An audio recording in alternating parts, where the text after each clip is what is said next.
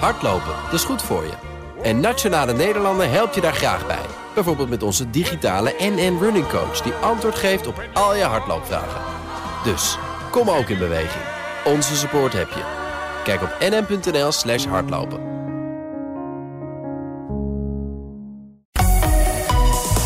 BNR Nieuwsradio. The Big Five. Diana Matroos. Het is en uh, was een bewogen politiek jaar. En dat merkt hij ook aan de hoge verkiezingsopkomst. In de week dat de democratie op zijn hoogtepunt is, kijken we hoe het met die democratie is gegaan. Maar ook wat voor kabinet heeft een land in crisis nodig. En hoe moet je met elkaar samenwerken met al die kleine en nieuwe partijen. In BNR's Big Five van de Kamervoorzitters daarom deze week dan ook vijf mensen die over partijen heen kunnen kijken en gepokt en gemazeld zijn in de politiek. En dat mag je je zeker zeggen van mijn gast van vandaag. Zij begon al in 1986 in de politiek. Toen nog lokaal. Daarna diende ze 18 jaar de Eerste Kamer. Of ik moet het zeggen, nee, klopt dat? Iets korter, hè? Acht, nee, precies 18, 18 jaar. 18, ik heb het toch goed. En de laatste zes jaar uh, als voorzitter. En nu demissionair staatssecretaris Veiligheid en Justitie voor de VVD. We hoorden al even haar stem. Ankie Broekers-Knol, van harte welkom. En allereerst gefeliciteerd. De VVD is de grootste toch weer? Dank daarmee. Want het is inderdaad fantastisch, een fantastische prestatie. En ik moet ook zeggen.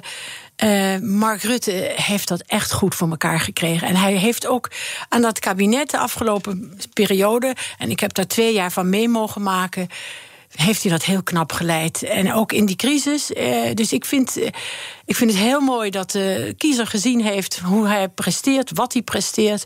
En dat hij inderdaad toch het, land door deze grote ellende heen weet te leiden. En dat is gehonoreerd. Dat heb ik, vind ik eh, echt knap van hem.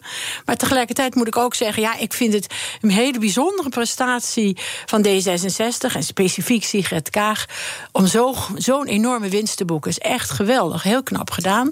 En daarnaast zijn er ook nog kleine partijen die uit het niets opeens met vier zetels zoals JA21 of drie zetels zoals Volt in de Kamer zijn gekomen.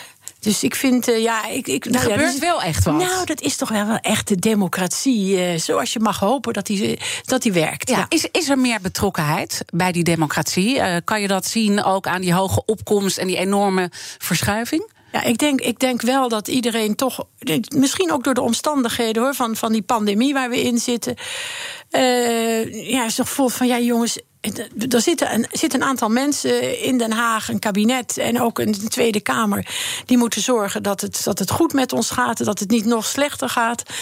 Uh, dus ja, we gaan stemmen. En je weet dan op dat moment van ja, het heeft betekenis, ik kan er iets aan doen. Overigens moet ik zeggen, eh, vier jaar geleden, in 2017, was ook de opkomst heel groot. Dus kennelijk, eh, ja, de, toch de democratie leeft en daar ben ik ongelooflijk blij om, want dat is toch iets wat ons land maakt. Het is natuurlijk anders. Normaal zijn er hele grote bijeenkomsten met alle VVD'ers bij elkaar. Uh, gemist, denk ik, ook gisteren. Ja en nee, moet ik zeggen. Ja. laat ik daar maar gewoon heel eerlijk over zijn. Het is natuurlijk het is altijd heel erg leuk om in zo'n kolkende massa mee te juichen of te springen. Eh, dat dat een, een, verkiezingsresultaat goed is. Tegelijkertijd gewoon zittend op de bank, nog met een, rustig met een glaasje, was ook niet slecht hoor. Nee. Ja, maar wel even uh, een juichmoment gehad toen die uitslagen binnenkwamen? Uh, ja, echt zo van, nou, fantastisch. Ja. Echt geweldig gedaan. Ik heb ook meteen een uh, appje naar Mark gestuurd om hem te feliciteren. Want ik vind het echt knap. Ja, en is dat dan ook de strekking van het bericht? Echt knap? Ja, ik vind, ik vind het gewoon knap dat hij zo dat vertrouwen van de bevolking heeft gekregen. En meer dan dat. Hè. Het was 33 zetels, had de VVD. We krijgen er nu 35, nou misschien toch nog die 36. Uh, en dat is winst. En dat vind ik, uh, vind ik een bijzondere prestatie. En toch zie je dat er heel veel affaires natuurlijk zijn geweest. Uh, die ook echt duidelijk aan hem gelinkt zijn. Daar heeft hij ook de verantwoordelijkheid voor genomen. Dat heeft hij ook benoemd. Hoe komt dat dat hij daar toch dan in de ogen van sommige mensen mee wegkomt? Ja, wegkomen vind ik een beetje naar. Dat klinkt altijd een beetje naar. Uh, wat hij op een gegeven moment eerlijk zegt. Uh, en, en dat meent hij ook. Van ik heb er spijt van, ik heb het niet goed gedaan. En ik denk dat dat ook wel gewaardeerd wordt uh, door mensen. Dat, dat ze zien dat iemand bereid is om zijn fout of zijn vergissing. of waar het niet goed gegaan is te erkennen.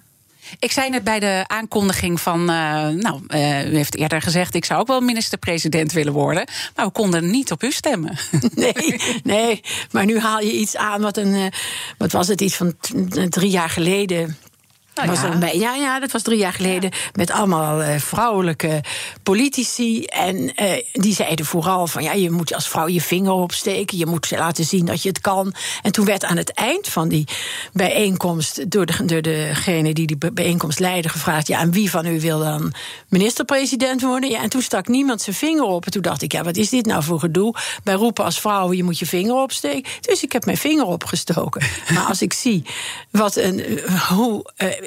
ingewikkeld is en hoe zwaar het vak is van minister-president, en het is een vak, dan, dan ben ik erg blij dat Mark Rutte dat doet en ook heel goed doet. Ja, nou, uh, die vinger opsteken, dat heeft Sigrid Kraag toen niet gedaan bij dat moment waar u over spreekt, want die was nee, daar klopt, ook bij. Die was daarbij. Maar zij heeft het natuurlijk uh, wel gedaan een ja. aantal maanden geleden, dat duidelijk uh, uitgesproken. En je ziet ook, u benoemde het ook, een heel duidelijke winnaar. Je merkt ook dat de buitenlandse pers, met name in Duitsland, pikt het ook echt op. Die zien haar ook. Um, blij dat, uh, dat zij ook zo groot is geworden. Ik bedoel, het is weliswaar een andere partij, maar toch een vrouw die zo sterk nu naar voren komt. Ja, ik zeg even heel duidelijk: het is niet mijn partij. Nee. Maar ik vind het uh, geweldig hoe ze dat gedaan heeft. En wat ik vond dat ze. Zij straalde ook iedere keer wel die rust uit. En van. Uh, zien, bij mij is Nederland wel in goede handen. En ik denk dat dat gewaardeerd wordt door de kiezer. Ja, en dat, dat hebben we dus ook uh, gezien. Uh, gaat dat spannend worden voor uh, Rutte? Zo'n sterke vrouw, hè, die ook duidelijk heeft gezegd: ik wil de premier worden. Ik denk dat uh, Mark Rutte heel goed met zo'n situatie om kan gaan. Ja, ik, ja ik, heb hem, ik ken hem goed en ik denk dat hij daar prima mee uit de voeten komt. Maar het is, uh, want hij is ook bereid om, om uh, iemand de ruimte ook te geven. Tot ja. op zekere hoogte natuurlijk. Nou ja, precies. Tot op zekere hoogte. Ja, laten we even realistisch blijven. Ja. Ja. ja, nee, maar dat, ik, de, ik, heb daar, uh, ik, ik heb daar vertrouwen in dat dat goed gaat. Ja, ja, ja. ja, ja. Hierin uh, is het gewoon heel rustig van vertrouwen dat het goed gaat en niet veel meer prijsgeven. nee. Zo is het. Zo is het. Dat is ook politiek uh, natuurlijk. Uh, u benoemde ook al heel veel verschillende partijen. Veel nieuwe partijen ook. Wat vraagt dat van een Kamer? Wat vraagt dat van een voorzitter? Nou, dat vraagt in ieder geval een uh, vrij strakke hand van leiding geven. Want het is natuurlijk lastig. Al die partijen willen natuurlijk toch in de kijkert uh, komen. Uh, je moet aan de ene kant strak leiden en aan de andere kant ook die ruimte geven. Want het moet ook zo zijn dat die, dat die, die eenmansfractie ook aan het woord kan komen. Ook het verhaal kan vertellen. Dus het is. ja, het heeft een zekere mate van jong leren brengt het wel met zich.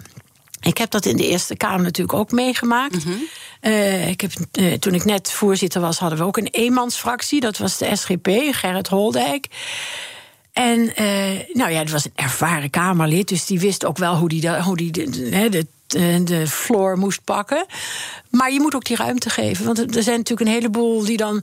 bijvoorbeeld van een partij die meer zetels heeft... die dan naar de interruptiemicrofoon... die kunnen met z'n drieën of met z'n vieren om de beurt... naar de micro, interruptiemicrofoon, bij wijze van spreken. Mm -hmm. Dat gebeurt vaak niet zo, maar het kan. En die ene is alleen maar alleen. Dus daar moet je wel rekening mee houden. Ik vind, dat moet je goed op opletten. En is het dan terecht ook dat Ariep nu al heeft aangegeven... Hè, want vandaag gaan natuurlijk de gesprekken... haar rol gaat uh, nu vandaag uh, actief lopen maar ze was achter de schermen al bezig. Uh, dat zij heeft uh, aangegeven dat er meer ruimte moet komen voor de Tweede Kamer. Is dat ook uh, wat u hier benoemt? Uh, dat denk ik wel, dat ze dat daarmee bedoelt. Ja, dat heeft, ik heb dat begrepen. Dat ze zegt, die Tweede Kamer het moet niet zo zijn dat het zo dichtgetimmerd is. dat eigenlijk de vergadering van de Tweede Kamer. althans, zo interpreteer ik het. Het stuk, hebben het heeft in het AD uh, iets over gestaan. Dat het niet zo is dat het al van tevoren vaststaat. oh ja, een wetsvoorstel. Ja, het wordt toch wel aangenomen, want het, de coalitie heeft ja gezegd. Ik denk dat ze wat dat betreft, dat bedoelt ze. Van luister, het moet wel een debat zijn. En, en daarvoor is ook de Tweede Kamer. Het is de volksvertegenwoordiging. En daar zit de volksvertegenwoordiging om met het kabinet te spreken over wetsvoorstellen. En dan is het belangrijk dat iedereen daar ook zijn zegje over kan doen. En dat niet van tevoren het eigenlijk een beetje een praatje voor de vaak wordt, want de uitslag is toch al bekend. Het heeft dus ook te maken met beter geïnformeerd worden in dat hele traject. Zeker, beter geïnformeerd zeker. en daarover eh, meepraten. Ja, en het, dat het democratisch proces inderdaad eh, ten volle recht wordt gedaan. Ja. Eh, bent u zelf eigenlijk beschikbaar? Want ik zei al bij de introductie, demissionair staatssecretaris natuurlijk van Veiligheid en Justitie. Maar er komt nu een nieuw kabinet en de VVD is natuurlijk gewoon weer aan zet. Bent u beschikbaar? Ja, dat vind ik altijd een prachtige vraag die mij gesteld wordt. Ik zeg dan daarbij: hou even in de, in de gaten dat ik over een half jaar 75 word. Ja, maar ik zie Ik hier- zeg nooit nee, nee, want dat, moet je, dat heb ik mijn hele leven niet gedaan. En het is ook heel verstandig om dat niet te doen. Maar ik word wel 75 dit jaar. Ja, maar ik zie iemand die heel erg eh, scherp is. Eh, niet alleen nu hier voor me, maar ook aan alles wat je eh, de laatste tijd ziet. Iemand die ook altijd aangeeft: ik vind het ontzettend leuk. Zelfs zo'n moeilijke portefeuille die ik nu heb, die iedereen verschrikkelijk vindt. Ik kan daar toch mijn lol uithalen. Dus ik denk, u gaat door als u gebeld wordt door Rutte. Nou, ik, laat ik dit zeggen. Ik doe, dat werk, ik doe het werk met plezier om mijn lol eruit te halen. Dat is misschien wat heel erg. Wat zo nu en dan. Het is natuurlijk een lastige portefeuille. Aan de andere kant. Ja, het is ook een kwestie van. Eh, nou, als je plezier in je werk hebt. En, en denkt van. Goh, ik kan toch hier wat stapjes maken. Organisatorisch of politiek of wat ook. Ja, en en dat had ik ook als, als Eerste Kamervoorzitter. Heb ik ook plezier in mijn werk. Altijd gehad. En ook in mijn voor. Ja, is het is misschien een beetje, een beetje eh, vreemd. Maar ik denk, de rode draad in mijn werkende leven is dat ik mijn werk met plezier doe. Ook als het vervelend is. Oké, dan kan je af en toe denken: van oh, help, waarom is dit zo? Maar de volgende dag ga ik vol, vol goede moed en met ook weer plezier aan de slag. Ja, en ik kan me dus voorstellen, als je dus nu kijkt, eh, een land in crisis. eh, u bent sowieso echt voor ervaren mensen die het land eh, leiden. Hè. Dat heeft u eerder ook wel eens aangegeven. We moeten voldoende ervaring hebben. In die zin zou het natuurlijk ook juist het moment zijn om nodig te zijn nu in deze moeilijke tijd. Ja, maar ga er nou niet op door zitten vragen. ik zeg niet voor niks. Ik word dit jaar, het is pas eind november, maar dan word ik wel 75. Maar u zegt ook niet. Ik zeg geen nee. Als, als Rutte belt, dan zegt u geen nee. Nee, ik, zeg, ik heb gezegd. Ik zeg, hebben je nodig. Ik zeg nooit, nooit. Maar ik zeg het, dit, ik zeg, dat is een, mijn antwoord is dus tweeledig. Ik Ja. zeg nooit, nooit. Maar ik zeg wel, ik word dit jaar 75. The Big Five. Diana Matroos. Deze week spreek ik met vijf huidige of voormalige Kamervoorzitters. Eerder deze week waren voormalig Tweede Kamervoorzitters Gerdy Verbeet en Anoushka van Miltenburg bij mij te gast. Die gesprekken zijn allemaal terug te luisteren in onze BNR-app. Net als het gesprek met Jan-Anthony Bruin, voorzitter in de Eerste Kamer. En mijn gast vandaag is Ankie Broekers-Knol, zijn voorganger en nu demissionair staatssecretaris van Veiligheid en Justitie. Eh, ik ga straks... Justitie en veiligheid. Justitie en veiligheid. Oh ja, want dat krijg je natuurlijk straks ook weer. Eerst de justitie, hè? Altijd eerst de justitie. Ja, en, en daar komt u natuurlijk ook eh, eh, vandaan, van oorsprong jurist. Ik- Ja, en, en nou, niet van oorsprong, ik ben nog steeds jurist. Ja, nog steeds. maar daar is het allemaal begonnen. Ja, en ik moet zeggen, ik, ben, eh, ik heb ooit archeologie willen studeren. Ik heb het uiteindelijk niet gedaan. Ik heb rechten gestudeerd. Mijn vader had het ook gedaan. En dat, ik dacht bij mezelf, nou ja, oké, die archeologie zag ik acht jaar voor me. En die vijf jaar rechten zag ik, ook- dat leek me wat realistischer. Ik heb er nooit, maar dan ook nooit spijt van gehad. En is het dan ook nog heel erg waardevol in het werk wat u nu doet? Ja. Ja, het is, je hebt gewoon de, de benadering van de stof is toch altijd op een juridische manier. Je gaat eerst kijk je naar de regel en wat, wat houdt de regel in en hoe wordt de regel uitgelegd en is dit het einde van de regel of zit er nog ruimte in enzovoort. Dat is heel belangrijk. En ik vind eh, ja, het, het recht en ook dan daarmee de rechtsstaat is staat voor mij echt heel hoog in het vaandel. Het is mooi om daar ook even over verder te praten. Over uw werk natuurlijk. Als, hè, want dit is de, de week van de Kamervoorzitters. Ik ga straks toch nog wel even met u polsen hoe die formatie eruit moet komen te zien. Eh, en, en, en wat alle stappen gaan worden eh, in het eh, verdere proces. Maar toch nog even die eerste Kamerrol als voorzitter. Hoe moeilijk is die rol? In principe is die eh, best wel makkelijk. Want je moet zorgen dat de vergadering geleid wordt. Maar er kunnen zich um, hele rare incidenten voordoen. En dan moet je het hoofd koel houden. En dan werkt het ook inderdaad als je jurist bent. Mag ik een, eh, een Ja, voorbeeld graag, noemen? graag, Eh, we zouden, hadden op een gegeven moment een debat over een wetsvoorstel. Eh, we hebben voortdurend debatten over wetsvoorstellen. Maar dat was, dat was een wetsvoorstel waarvan het het net wel of net niet zou halen. En uh, toen was inderdaad de, een eenmansfractie, de SGP, Gerrit Holdijk, die belde me de ochtend van het debat op. En die vertelde dat hij heel ernstig ziek was. Dat vond ik verschrikkelijk voor hem. Maar van tevoren had de PVV over het wetsvoorstel hoofdelijke stemming gevraagd. Maar hij zou dus niet komen. Nou, we hebben dat debat. Aan het eind van het debat komt de woordvoerder van de PVV naar mij toe. En die zegt van, goh, Ankie, luister eens... we hebben hoofdelijke stemming gevraagd... maar wat ons betreft, uh, fractiegewijze stemming is prima. Ik, het, is, het is wel duidelijk. Mm nou, ben ik altijd zo dat ik dan vraag even schorsen, niet meteen een antwoord geven. is ook heel verstandig om even, even na te denken.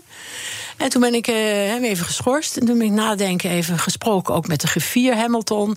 En wij met z'n tweeën. En toen zeiden we binnen twee tellen, zeiden we... oh jee, maar dan is de uitslag een hele andere. Want één hele fractie ontbreekt. Nou, we gingen weer verder. Uh, we gingen weer verder met de vergadering. En toen en, en Gerrit Holdijk had, zoals dat heet, gepaard met iemand van GroenLinks. He, dat betekent dat een voorstemmer afspreekt met een tegenstemmer of omgekeerd van joh, ik kan niet komen. Mhm. Als jij nou ook niet komt, dan, wordt, dan beïnvloedt het de stemming van het wetsvoorstel niet. Daar had hij mee, met GroenLinks had hij afgesproken, want hij was ziek, hij kon niet komen. En die hadden gezegd: Oké, wij zorgen ook dat er iemand niet is. Maar we, ik wist, en dat wist GroenLinks ook, dat uh, de, de wet het wel zou halen met de stem van uh, Holdijk, met, van de SGP. En dus door die pairing maakte het niet uit. De wet zou het gaan halen. Maar het fractiegewijs stemmen zou het dus niet halen, want er zou één hele fractie ontbreken. En wat ik nog steeds een prachtig moment vind, Tof Tissen, fractievoorzitter van GroenLinks, liep naar de interruptiemicrofoon en die zei: Luister eens, ik heb dit afgesproken met Gerrit Holdijk. Hij heeft mij het vertrouwen gegeven. Wij houden vast aan hoofdelijke stemming. En toen heeft de wet het gehaald. Maar terwijl GroenLinks tegen was, tegen de wet. En ze hadden dat dus kunnen beïnvloeden. Maar ik vind het nog steeds een mooi moment in de politiek, waar dus allerlei toch ja, vervelende dingen af en toe kunnen, kunnen gebeuren. Omdat iemand denkt, nou dan kan ik het binnenhalen. Nee, Tof Tissen zei, ik heb die afspraak gemaakt, ik hou me eraan. We houden ons vast aan hoofdelijk stemmen. En toen heeft de wet het gehaald. En dat gaat dus allemaal om vertrouwen. Dat gaat om vertrouwen en dat gaat er ook om dat je als voorzitter op zo'n moment het hoofd koel moet houden. En moet zorgen dat je goed even nadenkt en, en de boel, in, de boel ja, toch in goede banen moet zien te leiden. En dat is gebeurd. En dat is dus ook dan een sfeer scheppen van vertrouwen. En ook uh, zorgen dat uh, bepaalde uh, partijen, persoonlijkheden zich niet te veel gaan profileren. Ook, ook, maar dit was, dit was van tof. Het profileren van zoals het zou moeten zijn. Hè? Precies. Het vertrouwen, positief vertrouwen in elkaar. Vertrouwen op de afspraken die je gemaakt hebt. Ja, dat vind, vind ik ongelooflijk belangrijk. En, en, en wat kunnen we daar dan van leren nu in het huidige politieke klimaat? Van dit moment? Want u benoemt het natuurlijk niet zomaar. Nee, vertrouwen hebben in elkaar en de afspraken die je gemaakt hebt ook nakomen en goed met elkaar, wat dat betreft, helder zijn en eerlijk zijn. Ik denk dat dat. En dat is ook volgens mij ook de boodschap die uh, duidelijk door Mark Rutte uitgebracht is. Ook de dingen die niet goed gingen.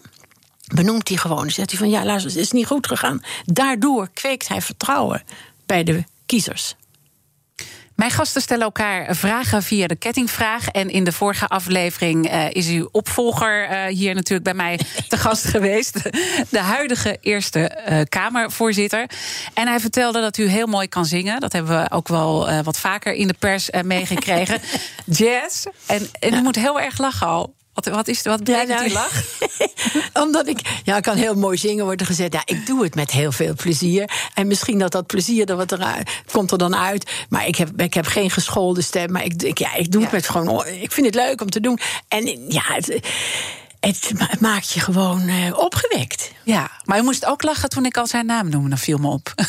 Ja, nou ja, Jan Anthony weet dat ik het leuk vind. Jan Anthony weet dat ik eh, in de Eerste Kamer met enige regelmaat ergens weer een van de gezang aanhief.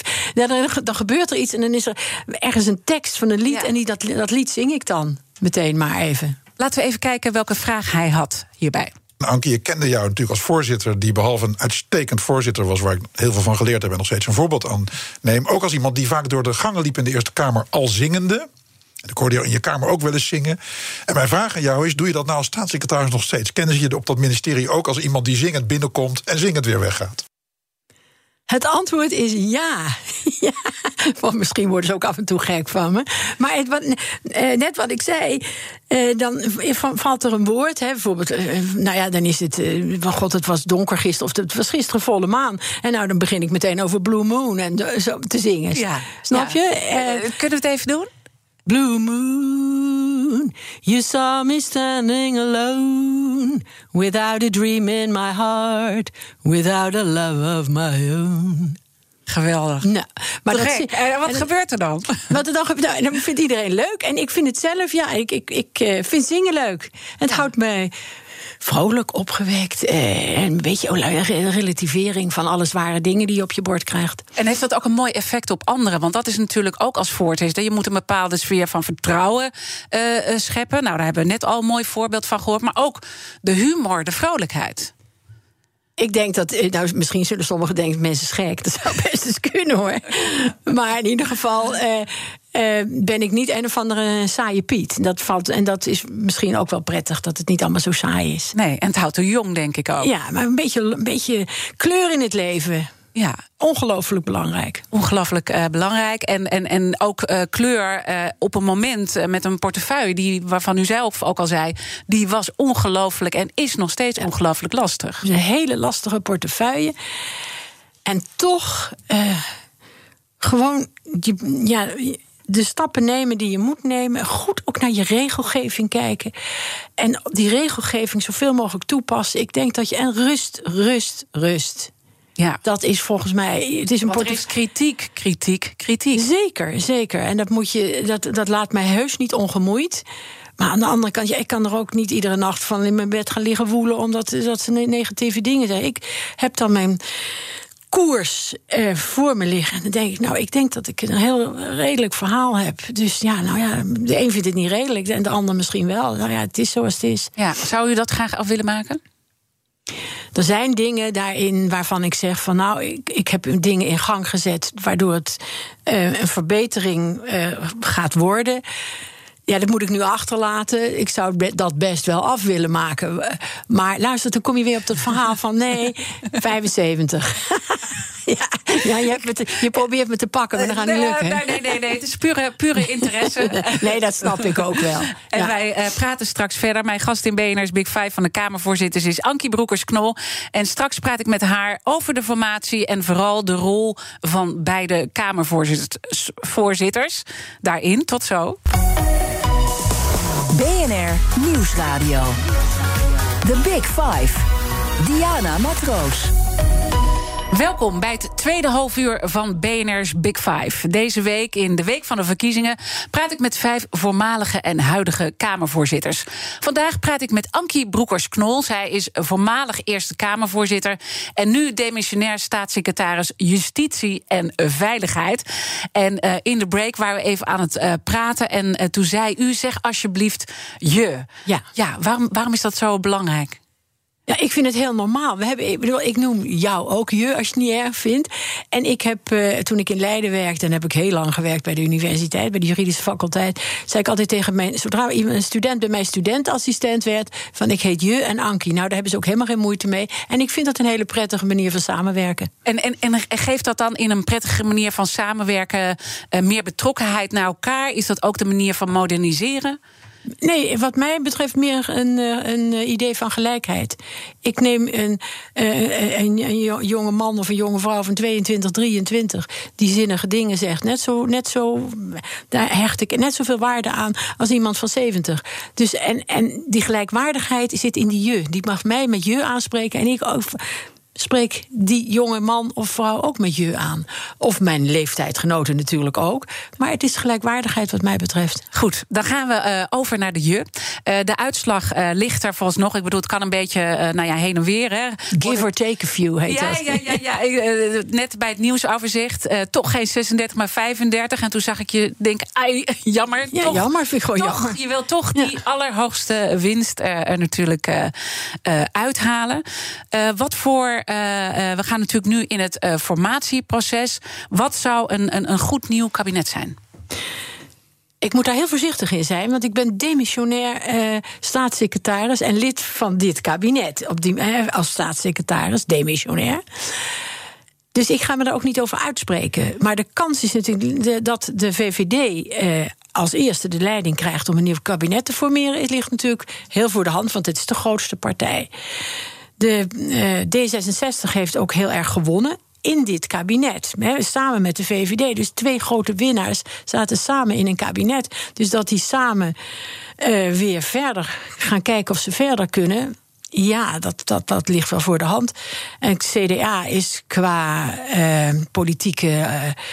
Ehm, instelling past die daar natuurlijk goed bij. Dus ja, dat lijkt mij. Maar nogmaals, ik ga me daar verder niet over uitlaten. Nee. Want het kan opeens iets heel anders worden. Maar goed, we hebben natuurlijk Rutte al een paar keer horen zeggen. En gisteren ook weer. Hè, uh, echt, uh, het CDA is belangrijk ja. uh, voor Rutte. En dan hoor je ook met twee winnaars. Hè, want Kaag heeft natuurlijk een enorme sprong gemaakt. Ja. Dus die moet je heel serieus nemen. Die zal daar ook echt ook wat voor terug willen. Je moet allebei een vriendje hebben dus dan zou je toch aan de ene kant uh, zou je dan een CDA voor Rutte kunnen hebben en Kaag uh, GroenLinks, want Jesse heeft ook wel aangegeven die plek uh, te willen. Of nou, P van de A.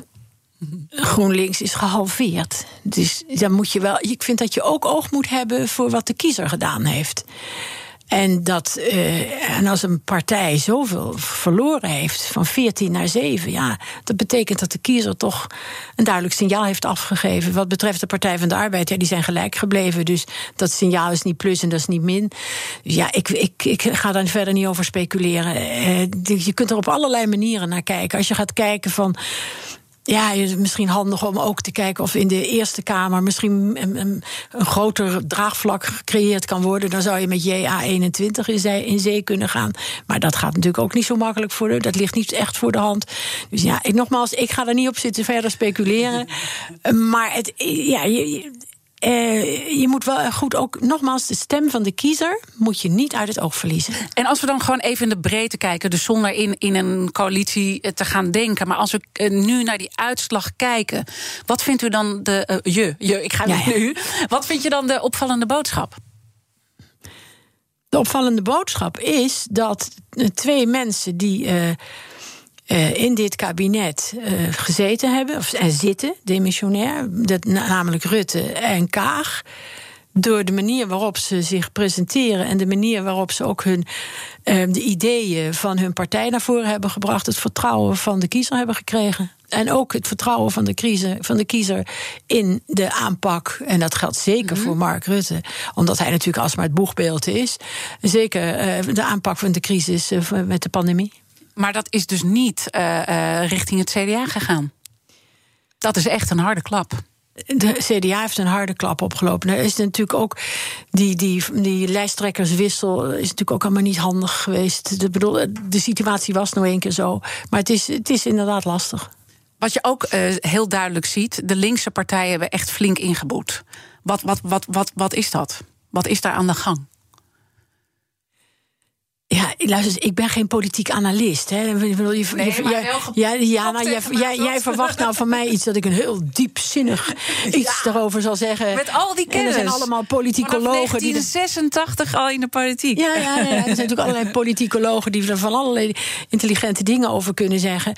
Maar ik denk dat toch maar dat is, het is gewoon Jan Boerenfluitjes. Maar inderdaad dan misschien wel gebaseerd op die ervaring. En ook gewoon zoals ik om me heen kijk. Ik denk dat mensen het prettig vinden enige stabiliteit in een onstabiele periode, in een onstabiel tijd, tijdsbestek. Dat men wil gewoon dan toch van ja, het is goed gegaan met de VVD. Met alle dingetjes die misschien ook hier en daar niet zo goed gelopen. Maar in principe is het een partij die vertrouwd kan worden. Nou, ik denk dat men daar dan blij mee is in een tijd die heel veel onzekerheid biedt voor, uh, voor mensen met winkels, mensen in de horeca enzovoort. Denk ze van nou ja.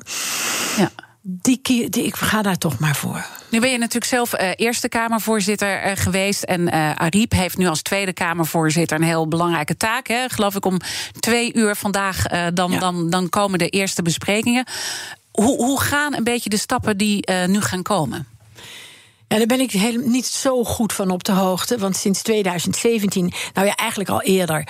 Maar tweede, in, bij de, bij de, na de verkiezing van 2017 is het echt helemaal eh, zeg maar, goed gelopen met de Tweede Kamer die het voortouw neemt uh, bij de kabinetsformatie. Maar het is in ieder geval nu uh, de voorzitter van de Tweede Kamer die de uh, fractievoorzitters bijeenroept en met hem gaat praten. Nou ja, en dan waarschijnlijk zegt tegen de uh, grootste partij van nou, he, dat er een verkenner moet komen en dat soort dingen. En dan valt Johan ja. Remkes. Uh, de, die heb ik horen luiden, ja. verluiden. En ja, persoonlijk ben ik een enorme fan van Johan Remkes. En als er iemand uh, een goed overzicht heeft over de politiek... en ook alle, alle aspecten daarvan ziet en ook alle kanten... dus zowel als naar rechts als naar links kan kijken... dan is het Johan Remkes. Dus dat, ja, daar, heb ik, daar heb ik nou heel, ook heel veel vertrouwen in. En welke rol heeft de Eerste Kamervoorzitter? Is daar überhaupt nog een rol voor weggelegd?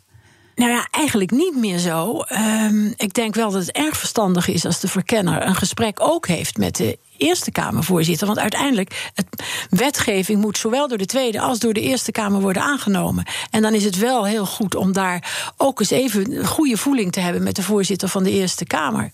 Ja. Het was natuurlijk toen de koning, of liever gezegd de koningin, dat was Beatrix, uh, nog het voortouw had in de kabinetsformatie, waar de voorzitter Tweede Kamervoorzitter, Eerste Kamer en vicevoorzitter Raad van State de drie adviseurs, tussen aanhalingstekens, van de koning. En ik heb nu, praat nu over de koning in staatsrechtelijke zin. Hè? Ja, ja, ik snap. Um, en vandaar dat de voorzitter Eerste Kamer ook die rol en daar met ook enige regelmaat langskwam. Maar nu de Tweede Kamer het dus nu een anders gaat met de kabinetsformatie, is de positie van de voorzitter Tweede, Eerste Kamer een iets andere geworden. Maar nogmaals, het zou heel onverstandig zijn om niet gebruik te maken van de ervaring, ook de politieke ervaring van de voorzitter van de Eerste Kamer, om te duiden welke kant zouden we moeten opgaan. Omdat die steun uh, natuurlijk elke keer ook een discussiepunt uh, is gebleken. Ons ja. parlement bestaat uit twee kamers. Die ja. twee kamers heb je alle twee ja. nodig. Dus je moet niet de voorzitter van de Eerste Kamer overslaan. Want die heeft gewoon goed inzicht. En uiteindelijk gaat het erom dat er een kabinet zit wat resultaat kan boeken. En dat betekent in beide kamers. Denk je wel eens met weemoed terug aan de rol van de koning? Nou, weemoed is wat overdreven. Ik moet zeggen dat de, de positie van de koning bij de formatie. vond ik eigenlijk altijd wel een, een, een goede positie. Want de koning heeft als geen ander bijna in Nederland. een enorm inzicht en overzicht van alles wat de politiek speelt. Het lastige daarvan was, en dat is ook hetgene waar het op een gegeven moment anders is geworden. Het is wel een, was altijd wel een, een periode waarin de ministeriële verantwoordelijkheid natuurlijk niet goed uitgevoerd kon worden. Want de koning ja, is, dan een demissionaire minister opeens mede verantwoordelijk, ministerieel verantwoordelijk, voor wat de koning voor vragen stelt of opdrachten geeft in de formatie. Dus dat was best wel een ingewikkeld iets. Maar de koning, iedere week heeft hij een gesprek met de minister-president. Ja, die hij kent alle dossiers. En die heeft echt een helikopteroverzicht. Misschien mooi om toch nog even de muzikale uh, kant uh, naar voren te halen uh, van jou. Een populaire gast was je in de formatievlog van de NOS. En dat klonk zo vier jaar geleden. De populariteit van het vlog is enorm omhoog gegaan dankzij u. Ja. Jongens. Door de Cenk Cenk. Toen kwam Cenk Willeke met... Cenk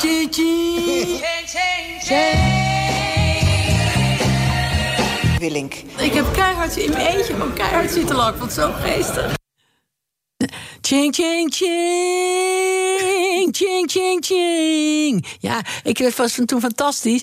Uh, de, zij vroegen mij toen allemaal dingen waar ik geen antwoord op wilde geven. En toen was net Chink Willink, die was over dat binnenhof gelopen. En toen zei ik maar ching, ching, ching. Ja, dat, ik dacht, nou, dat werkte prima. Ja. De hele vlog was uh, in één keer uh, gered. Ja. gaan we u daar, gaan we je, ik ga weer in de u. Ja, dat komt ook door ja, vergeet, die, vergeet mijn rimpels even en dan zeg je je. nou, het heeft gewoon met het respect uh, te maken. Uh, gaan we je terugzien in die formatievlogs?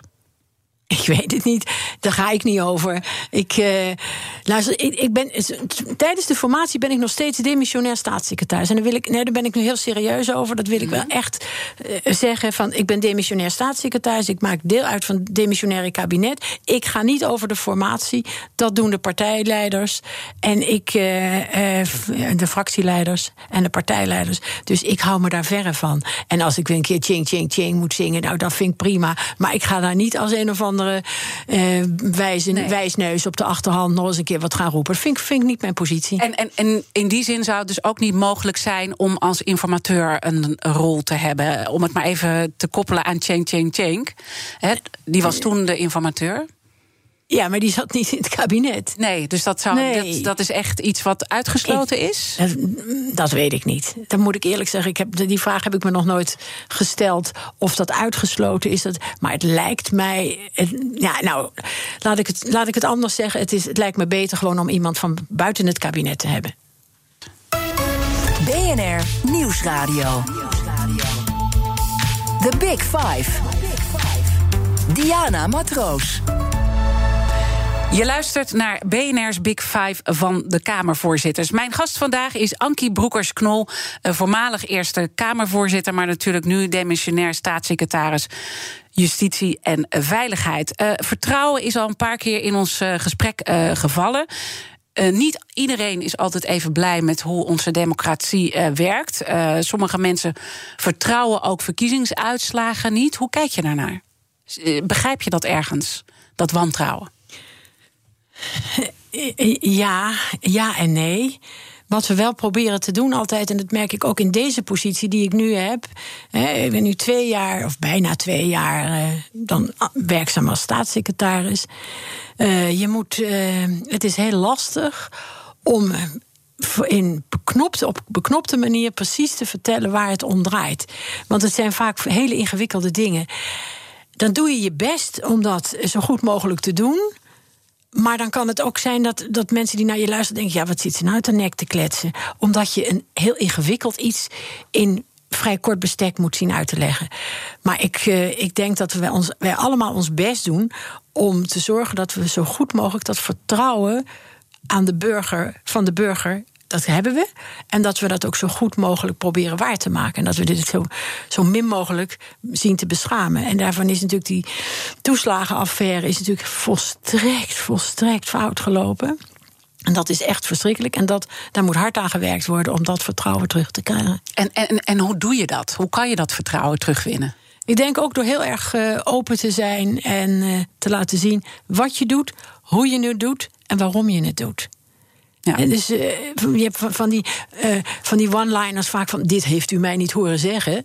En denk bij mezelf, ja, dat vind ik altijd zo nou mag ik het heel ja. zo'n rotopmerking. Denk bij mezelf, ja, wil, dat is leuk om dat een keer te doen.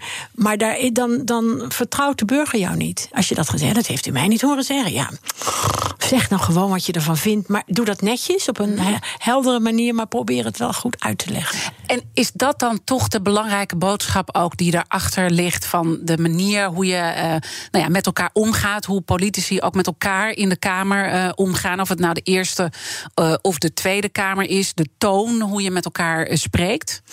Nou, die toon is ook belangrijk. Daar heb ik ook in de, in de Eerste Kamer ook toen meegemaakt. Toen daar door de PVV gezegd werd dat wij waren een nep volksvertegenwoordiging. En daar ben ik toen echt, heb ik, daar ben ik toen echt, uh, heb ik op ingegrepen. Want dat je zegt een nep parlement, nou daar kan ik me nog iets bij voorstellen, maar een nep volksvertegenwoordiging, degene die dat zegt, uh, is zelf volksvertegenwoordiger. Dus ja, dan disqualificeer je jezelf. Dus dat moet je niet doen. En daar heb ik toen ook van gezegd: van ik wil graag dat je het terugneemt. Want het schrappen in de handelingen, dat kan niet meer. Dus je moet vragen of het terugneemt. Dat was toen niet het geval. En toen heb ik gewoon de microfoon uitgezet gewoon, het was, was impulsief. En dan heb ik gelukkig een goede griffier, Hamilton, op dat moment. Die dan zegt, niet meteen in het reglement van orde kijkt en zegt: Dit kon ook juridisch. Nou, nou denkbeeldige zweetdruppeltjes veegde ik toen van mijn hoofd. Want ja, het is inderdaad, het is nogal wat als je zegt: als u dat nu, zet ik de microfoon uit. En dat heb ik ook gedaan. Maar toen bleek dus dat het ook kon. Je kan iemand het woord ontnemen. Nou, dat ontneem je, dat doe je door de microfoon uit te zetten. En dat, en dat mag je best wel wat vaker inzetten als je ziet dat die toon. Nee, dat moet je. Nee, dat is uitzonderlijk. En ik moet zeggen dat ik daarna ook altijd een hele goede relatie heb gehad met de PVV in, in de Eerste Kamer. Die begrepen ook dat ik dat vanuit mijn functie moest doen. Maar het is op dat, on the spur of the moment, om het zo maar te zeggen, moet je dat dan doen. En dan is het wel fijn dat het juridisch ook goed is. Want als jurist zou ik het heel vervelend gevonden als ik iets gedaan heb waarvan iedereen. Nou, dat had nooit gemogen. gemogen nee. Eh, over de VV, eh, PVV gesproken, die heeft natuurlijk ook best wel een tik uh, gekregen. Die hebben nog niet benoemd. Ja, maar... die, hebben, die hebben twee zetels verloren. Maar ja, tegelijkertijd een andere partij die ook aan, aan in dat meer rechtse uh, kamp zit, zeg maar, de, de Forum voor Democratie, heeft er zes zetels bij gekregen. Dus het is ja. Had je dat verwacht? Nee, wel, wel dat ze er iets bij zouden krijgen. Maar de, de, uh, het is zes, er zijn er zes. Ik had gedacht iets van drie, misschien vier. Maar het zijn er zes. Nou, dat is een knappe prestatie. Ja, maar uh, PVV is natuurlijk niet meer de tweede grootste partij. En dat doet natuurlijk zeer. Wel de grootste, ja, hè? Ik wel de grootste oppositiepartij. Dat heeft hij een aantal keer benadrukt. Ja, op afstand, hè? Kijk ja. eens even wanneer de volgende komt. Ja. Dit ja. is negen. Ja. 17. Ze hebben 17 zetels. Dus wat dat betreft uh, uh, kan uh, Wilders ook best. Nou, ik bedoel, ze hebben iets verloren, ja, maar ze zijn met, uit, met, met afstand de grootste oppositiepartij. Dus, dus het is knap. De gasten stellen elkaar vragen via de kettingvraag. Je mag een vraag stellen aan mijn volgende gast. Dat is Frans Wijsglas, voormalig Tweede Kamervoorzitter. Wat zou je hem willen vragen? Ik zou aan Frans Wijsglas willen vragen hoe dat nou was. En wat hem ja, toch bewogen heeft in dat tijd om zo intensief overal op iedere gang die je tegenkomt in de Tweede Kamer die toegangspoortjes te zetten, die beveiliging zo strak te maken. Want ik vind Tweede Kamer ja, is toch het huis van de democratie. Dan moet de burger binnen kunnen. Oké, bij de voordeur ja. Maar het is eh, in de Tweede Kamer, die beveiliging is gigantisch. En hij heeft dat onder zijn bewind gedaan of moeten doen. En ik zou graag van hem willen weten wat hem toen gedreven heeft. En wat hij er toen zelf van vond. Het was wel nodig, hè, want er ja. waren bedreigingen. Ja. Ik, dat, maar hij, hij, heeft die beslissing moeten nemen. Dus daar ben ik nieuwsgierig naar. Want, want eigenlijk uh, uh, zeg je, we hebben ook daar echt iets mee ingeleverd. Nou, vind ik als wel. het gaat om onze democratie. Vind ik wel. Als je, naar, als je in een, een, een overleg hebt met Kamerleden in een zaal, dan moet je eerst een, het gebouw binnenkomen. Maar dat vind ik terecht. Maar dan kom je bij, door, door de gangen kom je in een zaaltje. Moet je eerst weer met die pas. En als je even naar de wc wil, moet je eruit met die pas. Moet je er weer in met die pas. En je wordt knettergek van. Ja. Dus de, ja, dat, dat, ik ben misschien iets te op mijn vrijheid gesteld. Dat ik denk van jongens. Maar ja. dus dan vraag ik dus aan Frans. Want hij is uh, VVD'er. Ja. En hij heeft dat toen gedaan moeten doen, ook gezien de situatie. Maar wat hij er dan van vond en wat hem heeft bewogen om het zo strak ook te laten uitvoeren. Ik ga het hem uh, zeker vragen morgen. We hebben al een paar keer gezegd: ja, het is natuurlijk even spannend uh, wat er nu uh, gaat gebeuren met een nieuw kabinet. je zegt nooit, nooit. maar en 75, 75, 75. Ja, over zes maanden. Ik ben nu 74,5. maar ik, ik voel aan alle kanten de power om door te gaan. Stel dat het niet in het nieuwe kabinet gaat worden. Wat, wat gaat het dan worden? Wat ik ga doen daarna? Ja, want wat, nee, ik hoop dat er iets. Uh, alleen maar dat zie nee, ik, ik hoop dat er me. iets uh, le le leuks is te doen. Maar om nou te zeggen dat ik meteen uh, 24 uur per dag, 7 dagen per week. eh, ook nog aan de slag wil, dat is misschien wat veel van het gooien. Maar toch wel iets eh, waar ik mijn tanden in kan zetten. Ja. ja. Maar altijd politiek gezien of ook iets anders? Ja, ook iets. Weet je wat ik wel eens gedacht heb? Dat ik het leuk zou vinden om een winkel te beginnen. Ja, het klinkt heel oh, ja, stom in misschien. Tijd? Nou ja, nou ja, in deze tijd is Maar dan dacht ik, oh, ik zou graag een boekwinkel willen beginnen. Waarom? Omdat ik zelf lezen leuk vind. Dus ik zou misschien helemaal niks verkopen of zo. maar goed, eh, misschien, misschien is dat ook mijn leeftijd. Dat je dus zo oud wordt. Of nou, zo oud, maar toch op de, mijn leeftijd. Dat je weer terug gaat naar je kinderjaar. Dat je winkeltje wil spelen. zou zomaar kunnen. Uh, ik ben heel erg benieuwd. En uh, ik, zie je nog ergens wat terugkomen. Want volgens mij ben je nog uh, lang niet klaar. Maar ik wil in ieder geval heel erg danken dat je mijn gast wilde zijn vandaag. En dank voor alle mooie inzichten. Ankie Broekers-Knol. En natuurlijk zijn alle afleveringen van BNR's Big Five zoals altijd terug te luisteren. Je vindt de podcast in de BNR-app en op bnr.nl. Maar eerst Kees Dorrestein. Straks natuurlijk met BNR breekt natuurlijk ook volop weer rond die verkiezingen. En ik wens iedereen intussen een hele mooie dag. Hardlopen, dat is goed voor je. En Nationale Nederlanden helpt je daar graag bij. Bijvoorbeeld met onze digitale NN Running Coach... die antwoord geeft op al je hardloopvragen. Dus, kom ook in beweging. Onze support heb je. Kijk op nn.nl slash hardlopen.